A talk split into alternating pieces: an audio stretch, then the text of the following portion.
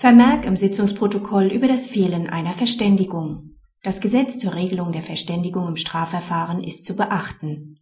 Das Landgericht hatte die Revision des Angeklagten als unzulässig verworfen, weil ein sofortiger wirksamer Rechtsmittelverzicht vorlag.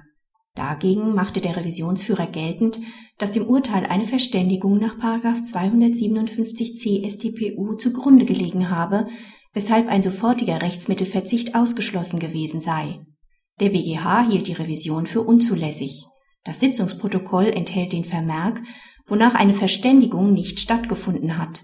Dabei handelt es sich um eine wesentliche Förmlichkeit im Sinne von 274 Satz 1 StPU, gegen die gemäß Satz 2 nur der Beweis der Fälschung zulässig sei.